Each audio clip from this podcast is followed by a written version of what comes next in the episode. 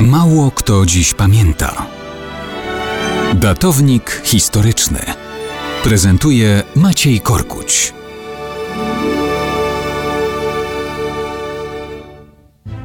Mało kto dziś pamięta, że na początku marca 1896 roku doszło do największej bitwy kolonialnej w Afryce w XIX wieku.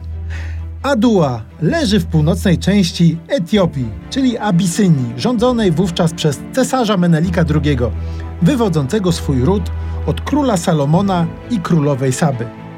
Menelik to reformator państwa, likwidator handlu niewolnikami, przed którym stanęło w swoim czasie najpoważniejsze wyzwanie obrona niepodległości kraju. Włosi Etiopię chcieli zamienić w swoją własną kolonię. Rok 1896. Zaczyna się marzec. Na północy Etiopii rozpoczyna działania zbrojne włoski korpus ekspedycyjny. Dowodzi nim generał Oreste Barateri, który, o ironio, zaczynał karierę w oddziałach czerwonych koszul Giuseppe Garibaldiego w całej Europie symbolizującego dążenia wolnościowe. Teraz Baratieri już jako generał dowodzi włoskimi wojskami kolonialnymi, które niosą zniewolenie, a nie wolność.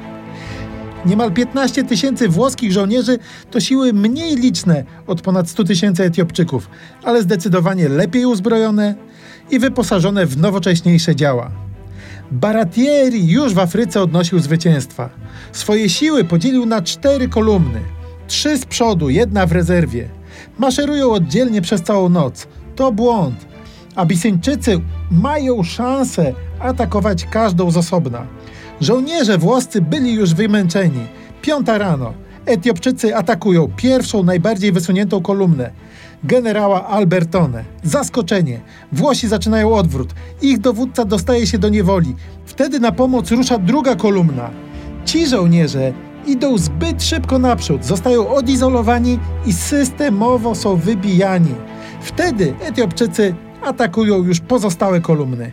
Rzeź trwa do zachodu słońca, resztki Włochów ogarnia panika. Straty są ogromne. Pola pod Aduą zaścieliło prawie 5 tysięcy włoskich trupów. Wzięci do niewoli jeńcy zostają okrutnie okaleczeni poprzez kastrację, obcinanie dłoni i stóp tak, aby nigdy nie mogli już służyć więcej w wojsku. Etiopia pozostaje wolna, a Italia?